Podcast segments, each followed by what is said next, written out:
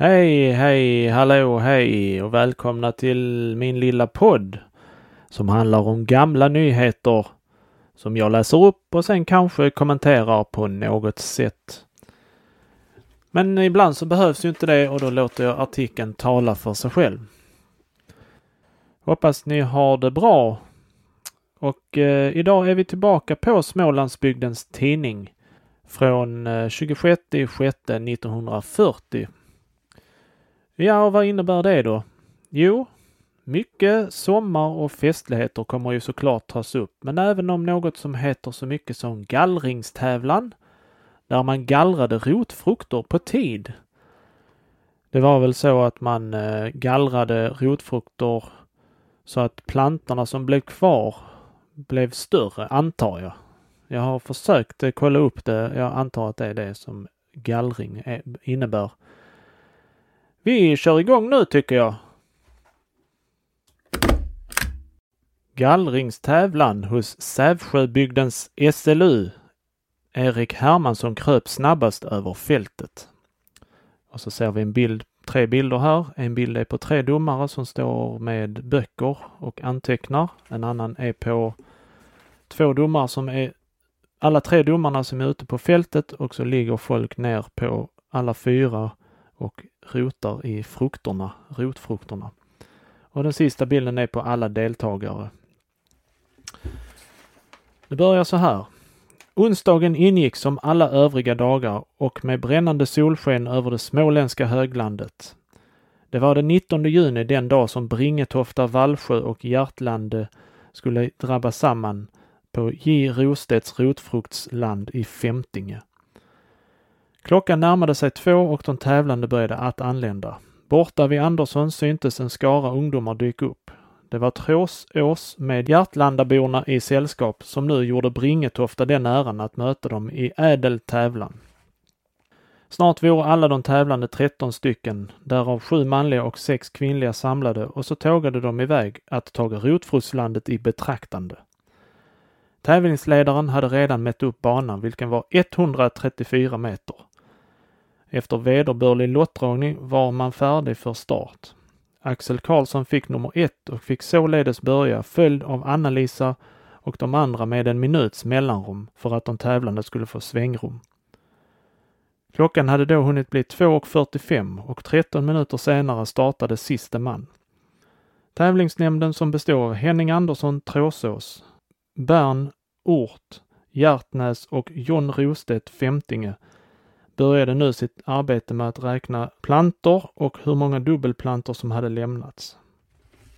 Idealet hade satts till fem plantor per meter. Under tiden hade de tävlande närmat sig målet. Plötsligt hördes ett rop ifrån de tävlande. Akta dig Rydén så du inte kör huvudet i Gärdesgården! Det var den förföljande Hermansson som utropade detta och strax efteråt kröp Rydén i mål. Tiden var 80 minuter jämnt, vilken även blev dagens kortaste noterade tid. Efter tävlingens slut bjöd värdfolket på kaffe, vilket smakade härligt efter det svettdrypande arbetet på åkern. Och snart var prisnämnden färdig med sin dom över de tävlande. Prislistan fick följande utseende. Erik Hermansson, nummer 1, Holmatorp, och sen radar de upp en massa namn här och deras poäng. Det kanske är lite ointressant så vi fortsätter efteråt här. Tävlingen avslöts med ett anförande av Henning Andersson som framförde sitt och Västra Häradskretsens tack till värdfolk, tävlande och Sävsjöbygdens SLU-avdelning samt med korta anförande av avdelningens ordförande Bern Ort Hjärtnäs och dagens värd, herr John Rostedt, som uttalade sitt tack för den lyckade tävlingen och bjöd dem välkomna åter när så önskades till kommande tävlingar.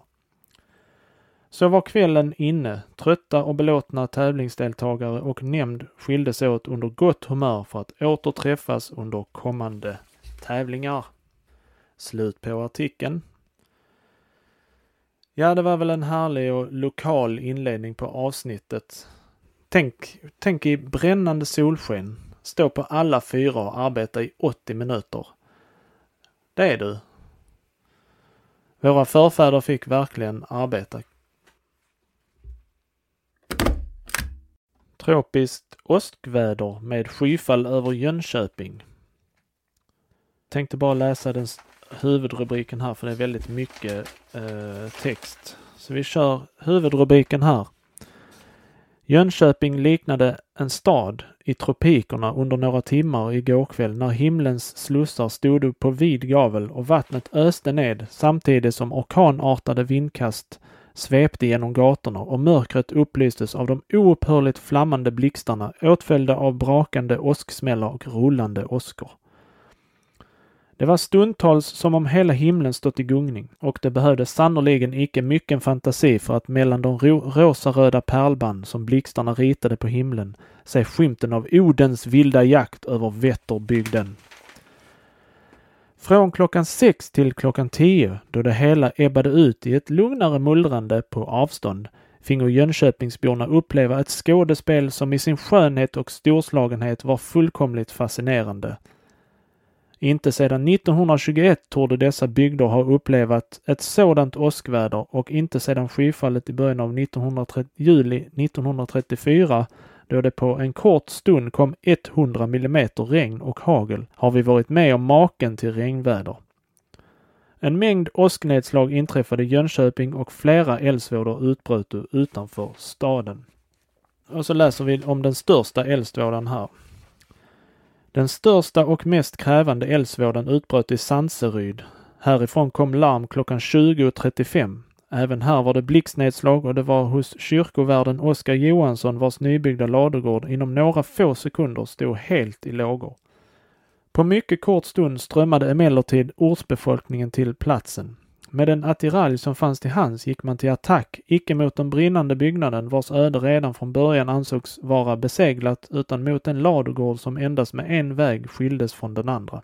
Man anordnade vattenlangarkedjor och lyckades hålla elden stången så att den ej fick tillfälle att kasta sig över till den hotade byggnaden, från vilken det dock redan rök från taket. När brandkåren från Jönköping anlände fortsattes med samma taktik och den lyckades verkligen efter en ganska långvarigt arbete stoppa eldens framfart till det först antända huset. De flesta djuren i denna vore ute, men hästar och svin lyckades man rädda. Däremot gingo alla redskap och maskiner till spillo. Ladugården var inom kort jämnad med marken. Den torde ha varit försäkrad med för 10 000 till 15 000 kronor. Slut på artikeln. Ja, det var ju tråkigt, men sånt hände ju på den tiden också. Det är inte bara nu för tiden vi utsätts av konstiga väderfenomen, även om klimathotet är orsaken till dagens väder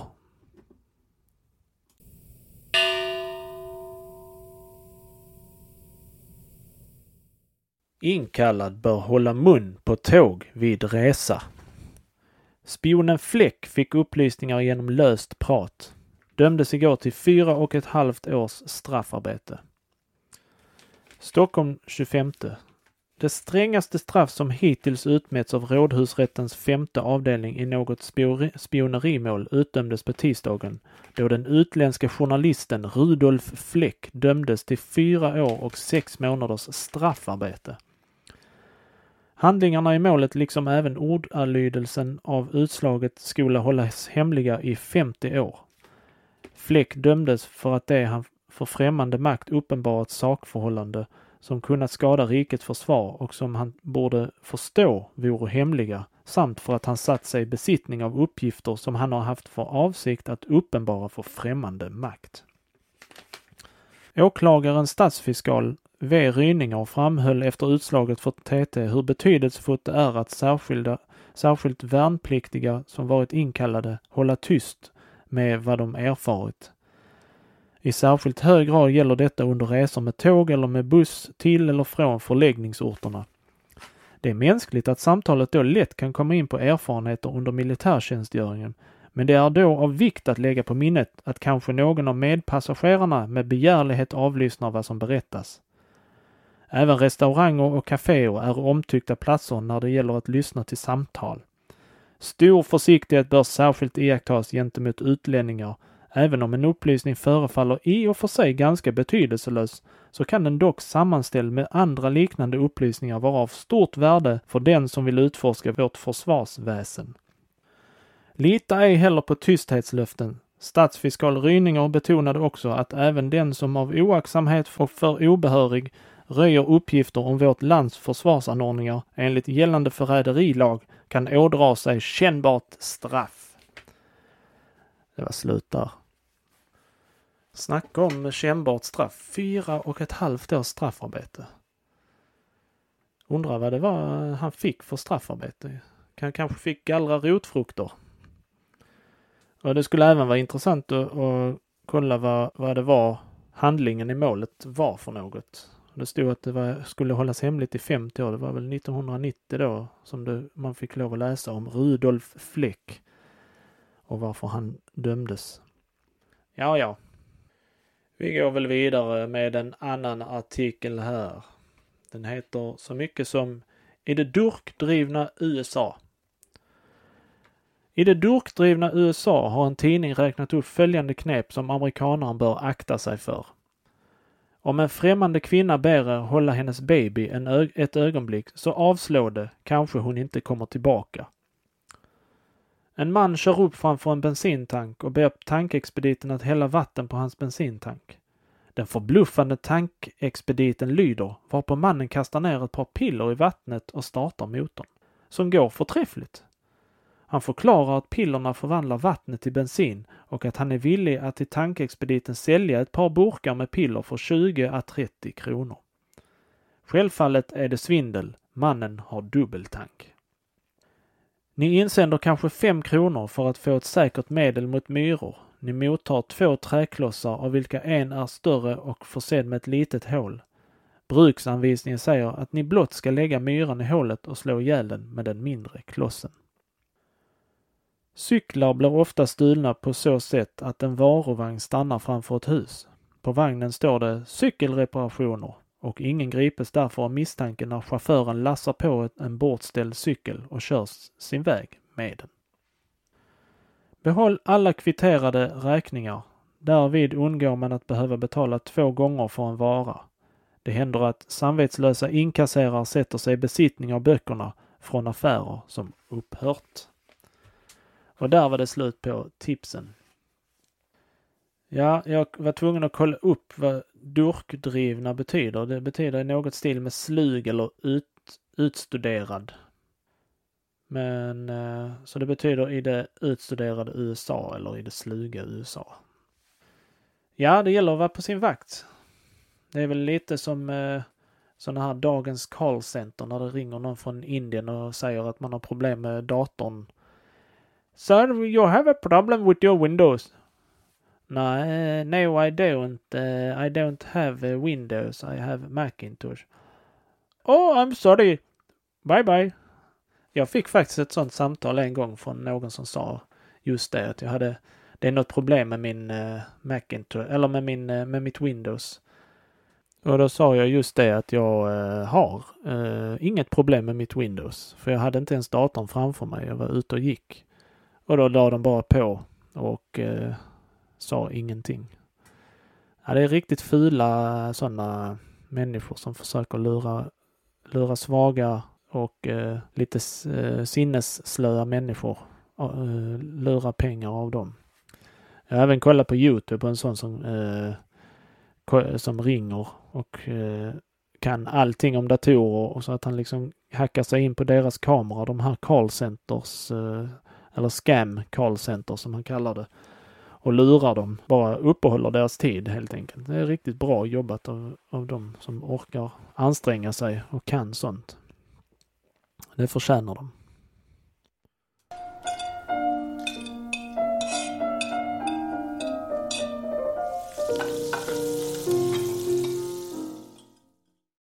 Ja, då har det blivit dags för dagens dåtida recept där vi läser ur en gammal receptbok tror den är från 1938 om jag inte minns fel. Uh, idag tänkte jag vi kör vanlig husmanskost. Det är fortfarande inne på lunchrätter här. Den, den heter sillgratäng.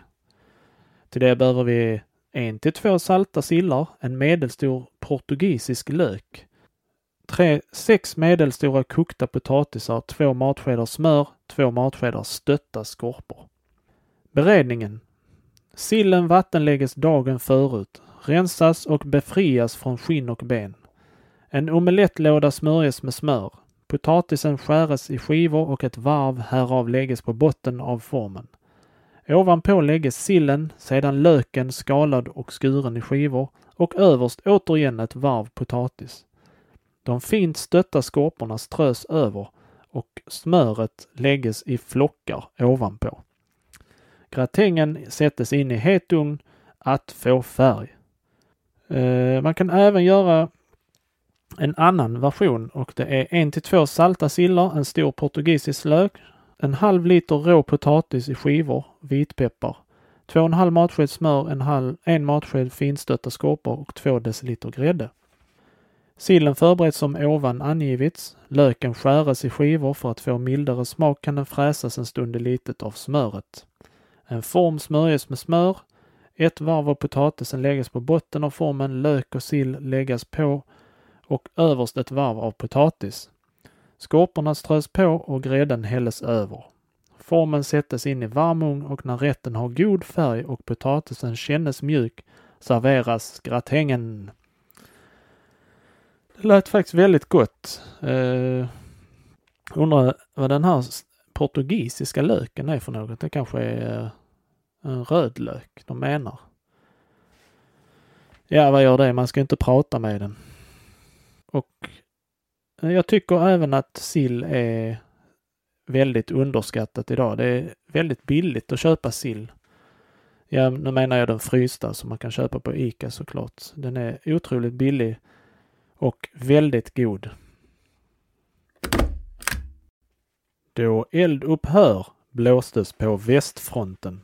Alla tyskar vända sina blickar mot Der Führer. Berlin den 24. Genom radion fick tyska folket klockan 1.35 natten till tisdagen lyssna till hur vapenstilleståndet blåstes in i Frankrike med signalen eldupphör. Därefter upplästes följande ord till tyska folket. I detta ögonblick har vapenstilleståndet trätt i kraft vid alla fronter i Frankrike. Den tyska nationen böjer sina huvuden i andakt för de döda hjältarna i detta fälttåg som med gyllene bokstäver ristas in i den tyska historien. I den upplyftande känslan av denna historiska stund vände alla tyskar vid fronterna och i hemorten samt långt bortom rikets gränser sina blickar mot ledaren och rikskanslern. Han har fört den tyska nationen från den djupaste förnedring i Compiègne och Versailles genom en ärorik revolution till inre enhet. Han har återgett den självbesinningens kraft och smitt det skarpa svärd som nu skurit av det oss påtvingade skändliga fördragets fjättrar. En seger ärorikare än vår fantasi kunnat förespegla oss har vunnits. 80 miljoner tyskar sammanfattar i detta historiska ögonblick alla sina förhoppningar och önskningar i ropet Länge leve ledaren! De förbinder därmed känslan av outplånlig tacksamhet mot ledaren och hans soldater som genom sitt mod, sin tapperhet och sitt heroiska dödsförakt tillkämpat sig den mest lysande segern i den tyska historien. Efter tre minuters tystnad spelades därpå Englands sången. Slut på artikeln. Ja, ristade i gyllene bokstäver, ja det fick de väl. Det, ja, men det är bara en liten uppdatering i kriget här. Vi går vidare. Satt och somnade på järnvägsspåret. Trött nattvandrare överkörd och dödad. Söderhamn den 25. En 21-årig fabriksarbetare, Johan Hägglund från Sibo i Kilafors, blev natten till söndagen påkörd och dödad av tåget. Hägglund hade satt sig på rälsen och överraskades av ett norrgående snälltåg som vid tretiden passerade platsen. Sikten är här skymd för lokföraren och denna har uppgivit att den föreföll som att Hägglund satt och sov på järnvägsrälsen. Att stanna var fullständigt omöjligt och Hägglund själv observerade icke det annalkande tåget. Han blev svårt massakrerad och torde ha gjutit en ögonblicklig död. Slut på artikeln. Ja, vad ska man säga, stackare. Jag får verkligen hoppas att han dog snabbt.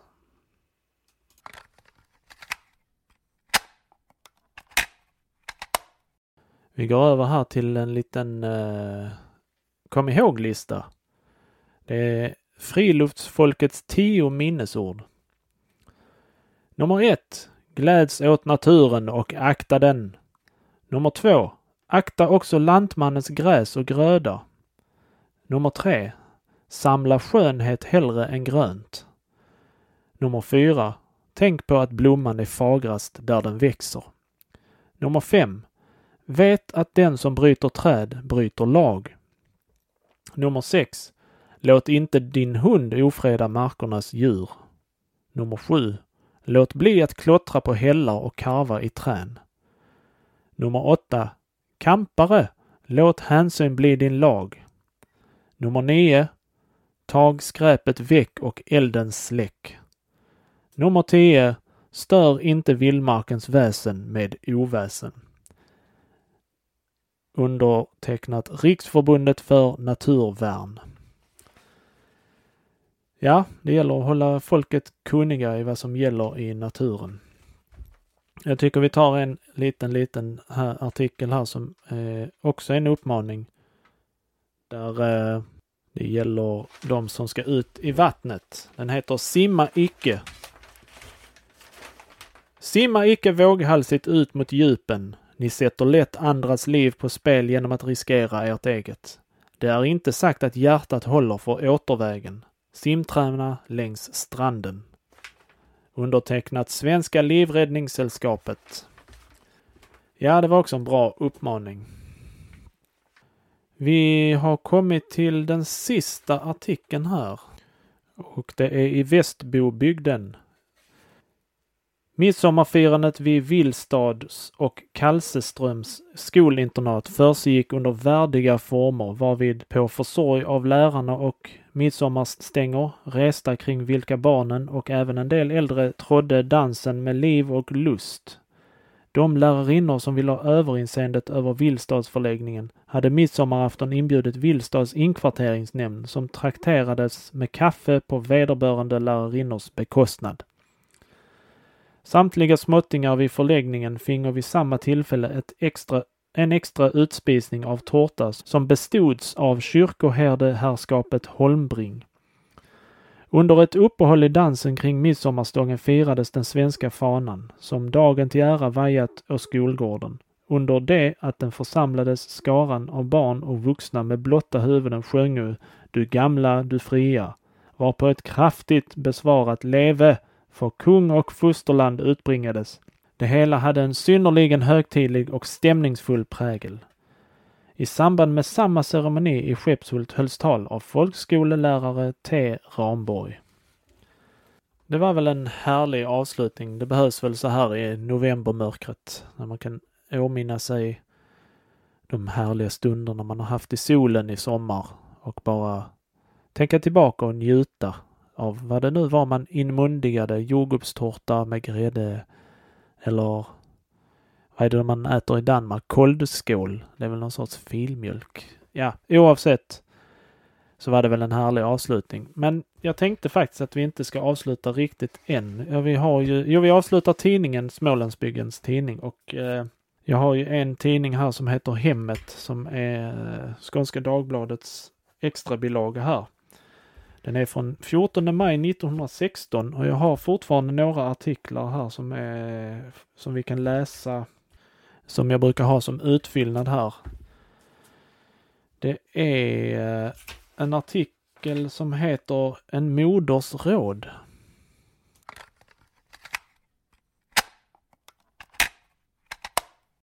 En moders råd till sina döttrar för 339 år sedan. Ur en moders brev till sina döttrar skrivet år 1577 anföra vi följande. När i, mina kära döttrar, ären hos vänner av edert eget kön eller hos släktingar så uppfören eder mycket ärbart. När de unga männen komma så akten eder noga att de ej får se eller träffa eder innan i gå till bords. I skolan då niga vackert för dem och hela tiden hålla ögonen nedslagna se för allt i världen ej på dem, det råder jag eder till. Inlåten ej eder i samtal med dem vid bordet och så snart I haven ätit, gån då in i eder kammare igen och stängen dörren. Ären ni ute med edra kusiner skolen ni uppföra eder mycket anständigt. Talen icke med några unga män. Kan det ej undvikas så sägen endast ja och nej. Kommen framför allt ihåg att äta litet vid bordet, eljest blive ni ansedda för obildade. Istället kunde ni äta litet på morgonen i eder kammare för att i skolan kunna sitta anständigare vid bordet. Dricken aldrig mera än en gång och skänkes mera i glaset så låten det stå och framförallt sen eder icke omkring vid bordet, men slån med ögonen och hållen huvudet orörligt. Om de unga männen talar till eder, som deras vana är, så svaren de icke, och bjuda dem eder ett skalat äpple eller ett päron, så låten det ligga. Men är det så att någon i tukt och ära begär eder, så hänvisen honom till eder familj, men i skolen icke själva tala med honom. När eder släkt och vänner hos vilka i vistas utse en fästman åt eder, så vara nöjda med honom. Men akten eder noga för att se eller tala med honom, ty manspersoner har något över sig som lätt kan förföra. Kommer han det oaktat och vill tala med eder, så avvisen honom med följande ord. Uppför eder icke så djärvt utan vänta till dess tiden är inne. Gå dit där ni bör vara, nämligen till min släkt och mina vänner och håll eder borta från mig tills vi blir gifta. Och det var slut på artikeln. Ja, vad ska man säga? Mamma vet bäst eller? Ja, men eh, alltså det är häftigt ändå. Detta är från 1577. Men det måste ha varit en riktigt eh, adlig familj som har skrivit detta. För det låter lite som det här stolthet och fördom grejen. Att man liksom inte ska, man ska hålla sig från mansfolk och så tills man blir bortgift. Nu är i och för sig stolthet och fördom är väl utspelat på 1800-talet men något åt det hållet Ja, men då säger vi så. Det var slut för denna, detta avsnittet med eh, nyheter. Nu tycker jag vi går vidare till vår bok som heter Memoarer från Alger som jag brukar läsa i cirka en halvtimme. Det handlar om en tysk students eh, tid i fransk militärtjänst där han har hamnat i Algeriet och beskriver allt han kan på vägen dit och även där. Och just nu är han ju i Algeriet. Vi har kommit ungefär halvvägs in i boken. Så håll till godo!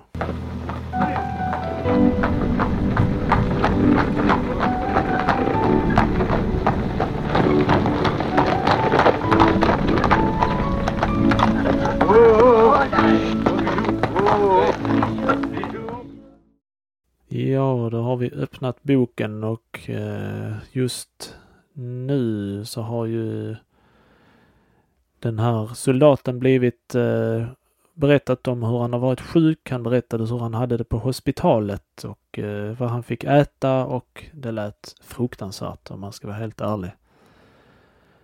Vi kör vidare med nästa kapitel som heter Sergeantens berättelse. Bland de flera bekantskaper jag som konvalescent gjorde i hospitalet var det med en före detta sergeant med ett franskt linjeregemente vilken i följd av erhållna på nytt uppbrutna sår nödgats inträda i de sårades sal, men åter blivit nästan återställd av alla de mest intressanta.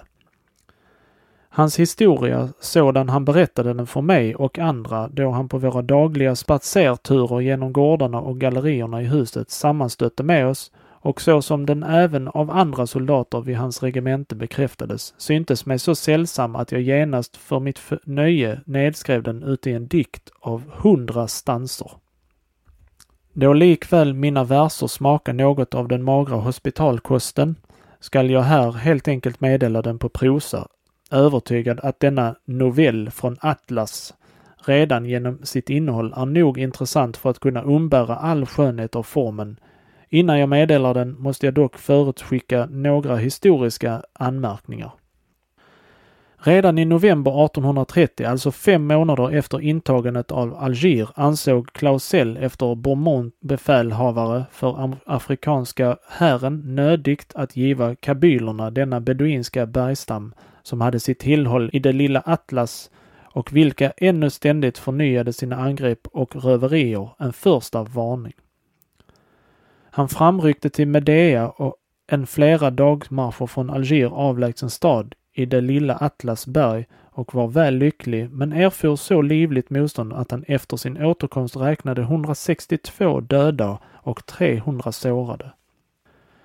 På grund av nya fientligheter från dessa stammarnas sida fanns generallöjtnant Berthezén som efterträdde Clausel i befälet i maj 1831 likaledes nödigt företaga ett tåg till de i öster från Medi Metidia belägna bergen.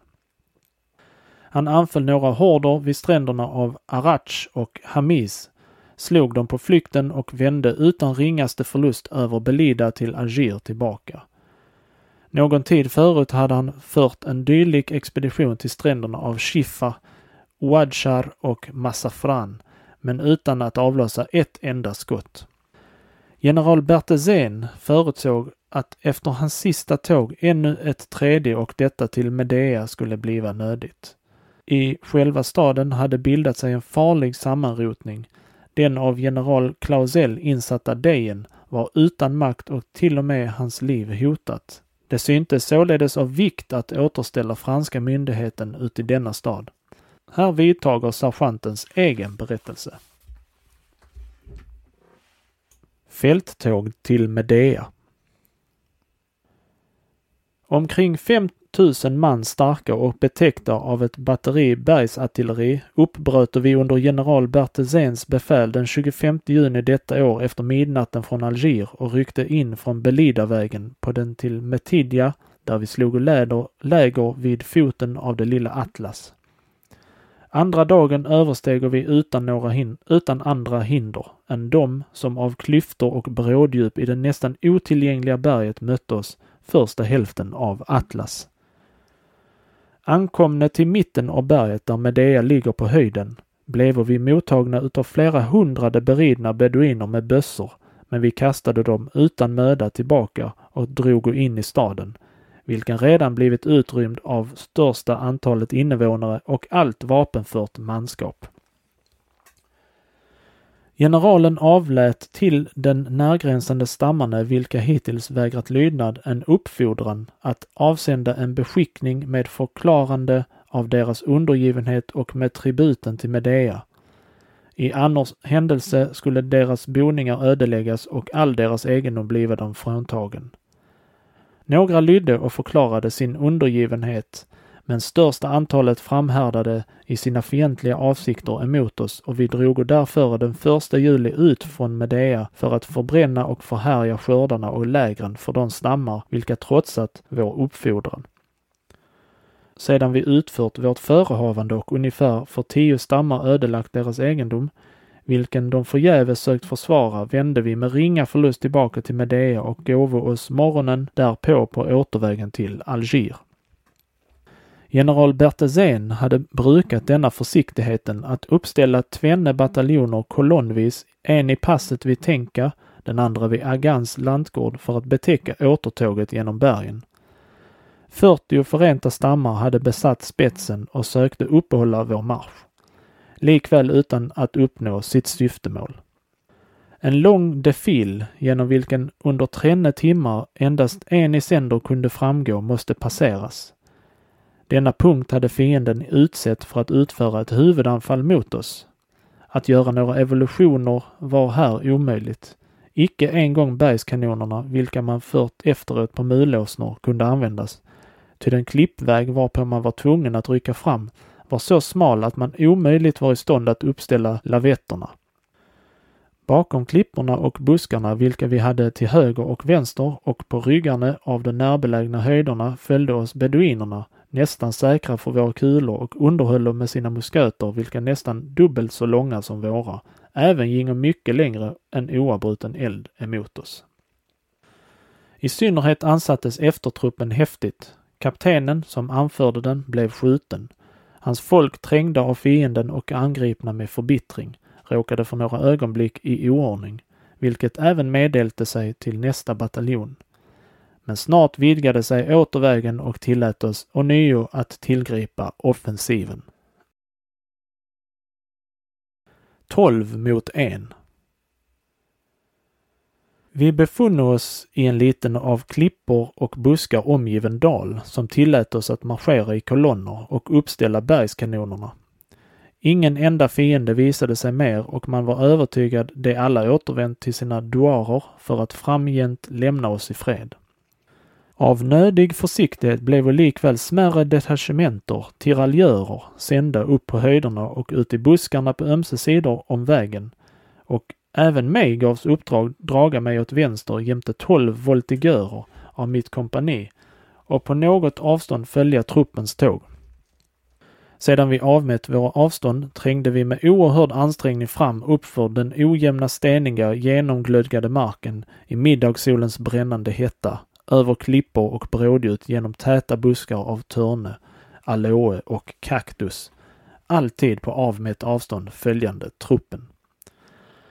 Men efter en timmes yttersta ansträngning just då korpsens eftertrupp försvunnit bakom en klippvägg till höger för mina blickar och även mina tiraljörer i det här tämligt höga buskaget förlorat mig ur sikte såg jag mig på en gång plötsligt anfallen av 12 till 15 beduiner, vilka sprungit fram bakom mig ut ur häckarna och efter kort försvar och fruktlöst ropande på hjälp blev jag av deras flera sabelhugg sanslöst sträckt till marken. Fienderna skulle sannolikt avskurit mig huvud om de ej i samma ögonblick på något avstånd varsnat mina soldater, vilka sedermera sagt mig det de väl märkt några beduiner springa därifrån genom buskarna men utan att i ögonblicket ana vad som träffat mig. Flera timmar blev jag sanslöst liggande i mitt blod, ty då jag åter kom till mig var solen ännu endast få grader över horisonten utomordentligt försvagad av den blodförlust jag lidit, av de smärtor mina sår gjorde mig och pinad av den plågsammaste törst skild ifrån min trupp, mitt i en obekant, obanat land och omgiven av blod och hämndtörstiga fiender, fann jag mig i ett läge som var och en lätt kan föreställa sig. Jag uppgav likväl ännu icke all förhoppning. Lyckligtvis hade fienderna i sin brådska lämnat mig mina kläder och vapen. Mitt gevär hade väl en, en av dem velat taga med sig men kastat ifrån sig några steg längre bort. Mitt första göromål blev nu att sönderriva min skjorta för att förbinda mina sår, vilka lyckligtvis vore mer dövande än organiskt förstörande. Därpå tog jag mitt gevär och släpade mig, visserligen med stor möda, framåt i den riktning Herren hade tagit. Jag hade min fältflaska en till hälften fylld med brännvin, vilket gjorde mig väsentligt nytta för omslag på mina sår och samlande av några krafter. En mot tre. Så skyndade jag då så fort jag kunde genom berg, bergspasset efter hären som redan måste vara åtminstone fem timmar före mig. Men knappast hade jag tillryggalagt en kvart mils väg än till min icke ringa förskräckelse jag får se trenne väpnade moror rida fram från en klippvägg som med fällda tyglar och dragna jataganer spränga rakt emot mig. Och plötsligt ur ett bakhåll fram till häst tre moror rusa. De spränga vilt i stoft och damm fram ur en klippgömd tjusa. För vinden deras mantlar slå, av deras prakt kan han förstå, de högas rang som vilja från honom livet skilja. I sadens ok de vila fast och tungt på breda byglar och damaskon svängs med hast med lösta fällda tyglar. De nalkas stormlikt i galopp att elden sprang från klippan upp och hästens sidor sporra att vandraren genomborra. Nu var besinning nödig. Lyckligtvis följde de varandra på ett avstånd av 20 till 40 steg så att jag hade tid att giva fyr på den första innan den andra ankom. Jag hade lyckan träffa denne så att han nedsjönk död från hästen och då den andra ankom gick jag löst på honom med fälld bajonett och träffade hans häst i näsan med ett stick.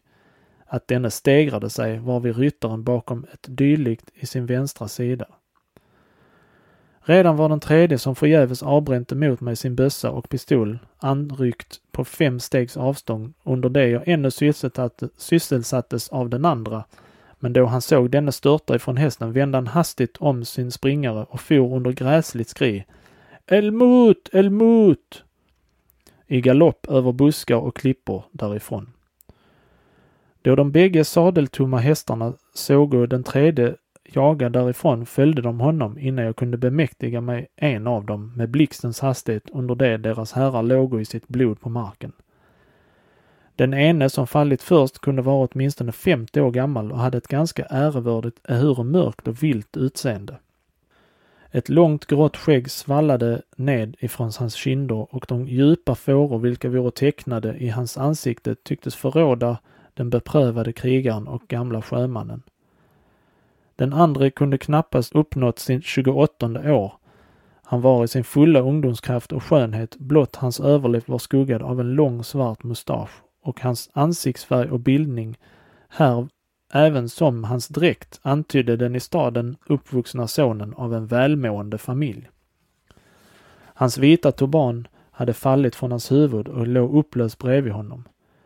Hans finulliga bärnus var utbredd i blod och gjorde synligt en rik men guld genomvirkad turkisk väst samt vida röda benkläder, vilka gingo ned till knäna och fasthölls av en konstfullt arbetad med pärlor stickad livgördel, i vilken två med silver lagda pistoler vore instuckna.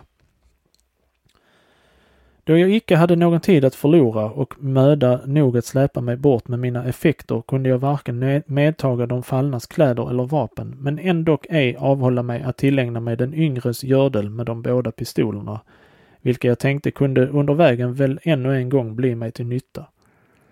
Jag fastband den in under min kappa och fortsatte då jag fruktade att den som kommit undan med tillhjälp av andra skulle komma att förfölja mig med skyndsamhet och försiktighet min väg.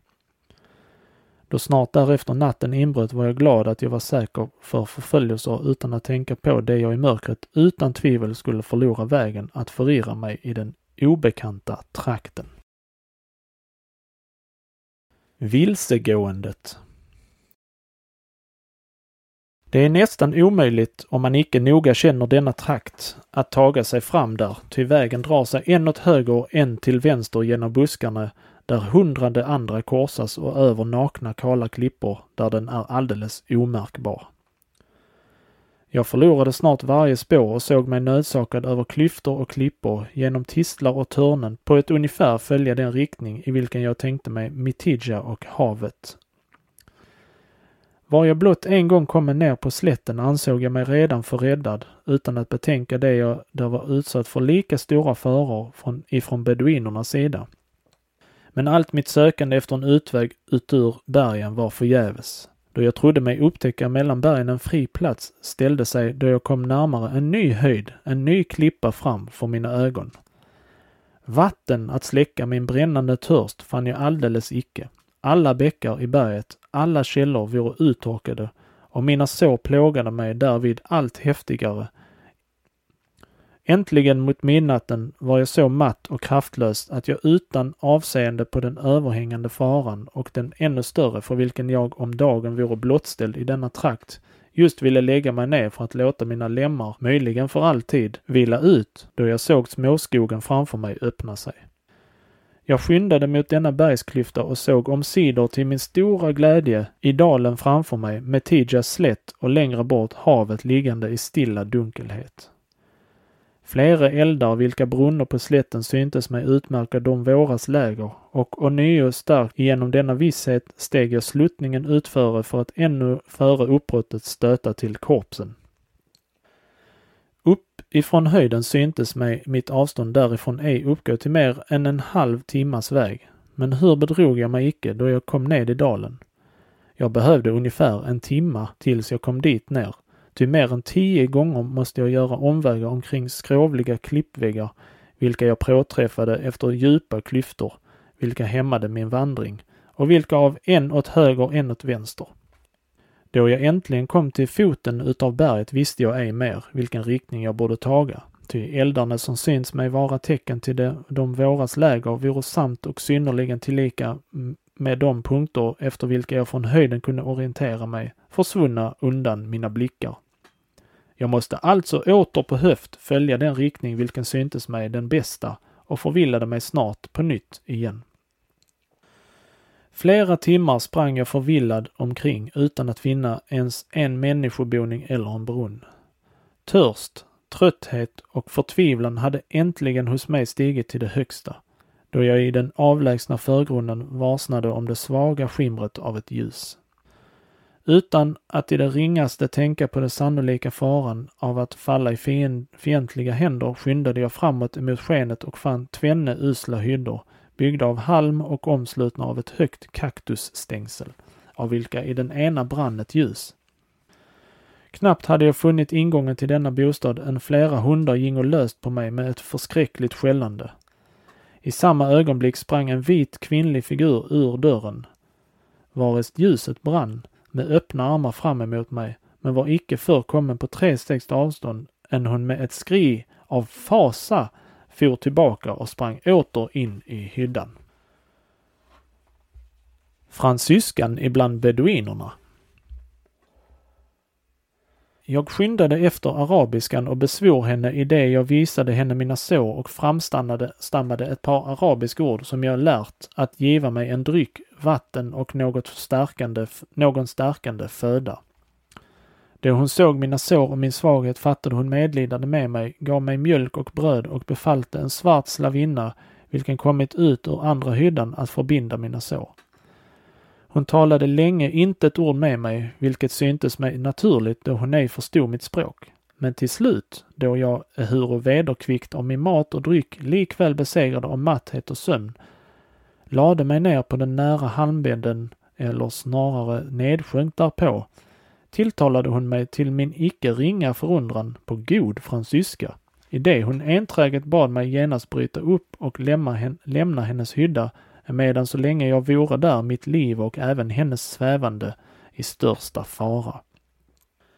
Min man, sa hon, har idag ridit ut att i spetsen för närgränsande stammar anfalla er vid edert återtåg genom bergen. Han har sagt mig att han i natt skulle komma tillbaka och att jag blivit uppe för att emottaga honom. Då han dröjt så länge kan han för varje ögonblick vara åter här. Hur skall det då gå om han ser dig här, du, en fransman vars nation han svurit evig hämnd och oförsonligt hat i hans makas boning, vilken han bevakar med den svartsjukaste kärlek. Utan tvivel skall han även föra med sig tvenne andra stamfurstar, vilka är ännu vida blodtörstigare, vida mer förbittrad emot er, än han och vilka även om jag kunde övertyga honom om min oskuld och ingiva honom medlidande för dig, icke skulle skona varken dig eller mig. Tag därför dessa livsmedel som jag kan giva dig och skynda bort så fort du kan. Jag vill visa dig den riktning du måste taga för att träffa de dina, är du för svag att ännu idag uppbinda, upphinna dem skall du åtminstone sova säkrare på fältet i en buske än här. Fruktlöst slösade kvinnan alla ord, alla övertalningsgrunder för att förmå mig till vidare flykt. Jag var utan kraft att resa mig upp, utan kraft att behärska den slapphet som bemäktigat sig alla mina medlemmar. All min urskiljning, all min besinning var försvunnen. En dyster slöja omhöljde mitt medvetande. Jag blev liggande utan att röra mig. Då jag äntligen vaknade med ljusa dagen satt kvinnan vid min sida och betraktade mig med uppmärksamhet. Att sluta av de örter och drycker jag fann bredvid mig hade hon under min dödlika livlöshet ägnat mig all möjlig skötsel och vård. Även kunde jag igenkänna hennes omsorg på den glädje som då hon åter såg mig komma mig före strålade från de ur hennes vita slöja likt tvenne stjärnor blixtrande ögonen. Jag betraktade henne ett ögonblick med känslor av stum förundran. Misstroget vida dräkten slöt, i snövitt flor dess leder.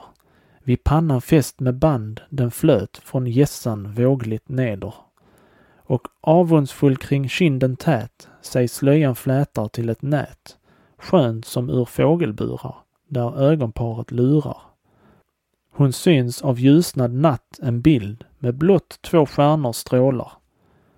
Två ögon där i kärlek mild sig själen höghet målar.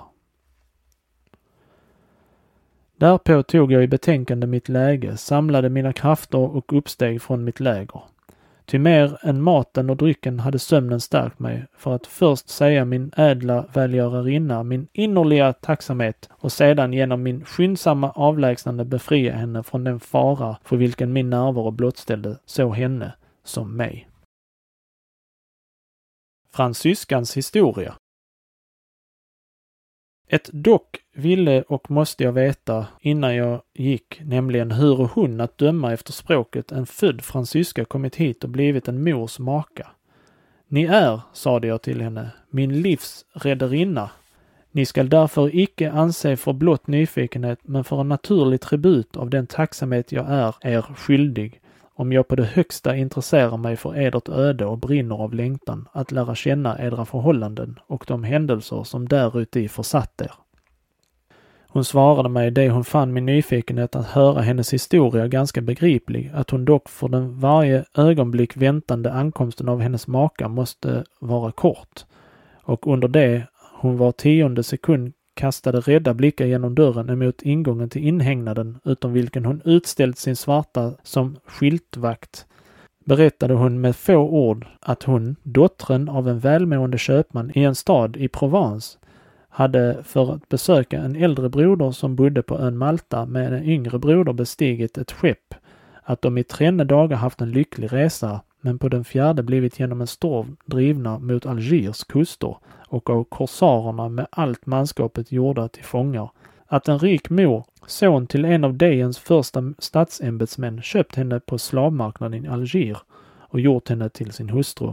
Att han slutligen, efter att ha gjort fransoserna ett hårdnackat motstånd vid stadens intagande, kvarlämnade henne trenne stora hus, dragit sig undan med henne till denna avlägsna smygvrå och sedan dess hållit sig fördold i ständigt hopp att med Bejens av Konstantine och de med honom förbundna arabernas hjälp fransmännen åter skulle bliva förjagade ut ur Alger. Hon gjorde mig därjämte en så rörande skildring av den ömhet och skonsamhet varmed hon av Ali behandlades av den kärleksfulla deltagande, varmed han i början sökt lindra hennes smärtsamma hemlängtan och hennes fortfarande sorgliga läge och överhuvud av sin herres och mans ädla karaktär och intagande person, att jag gärna trodde henne då hon sa till mig att hon blott av kärlek till honom stannat ibland detta råa folk och ännu icke återvänt till sina landsmän och sin fosterbygd. Jag har, tillade hon, givit mig all möjlig möda att betaga Ali dess ärvda blinda hat mot allt kristligt och i synnerhet mot det franska väldet och övertyga honom om fördelaktigheten av en frivillig underkastelse under vårt folks humanare spira. Också skulle han redan länge sedan följt mitt råd, om icke de andra råa folkhövdingarna alltid på nytt sporrade hans stridslust och äregirighet samt ryckte honom med sig. Detta var just igår händelsen, ty han hade givit mig ett heligt löfte att denna gång icke draga i fält, då de rogivande huvudmännen för tvenne i bergen vistande stammar, den gamle sjörövaren, Kedua ibn Gebeyen el, el Khamsi och Kadi Sidi Mohammed el Haji kommit till honom och genom förespeglingar av det rykte han skulle vinna genom deltagande i deras företag gjort honom otrogen sitt löfte.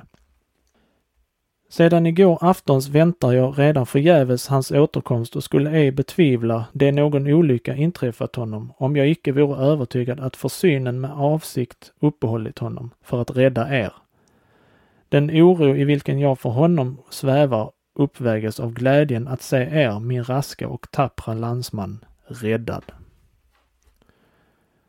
Och där får vi sätta punkt för idag.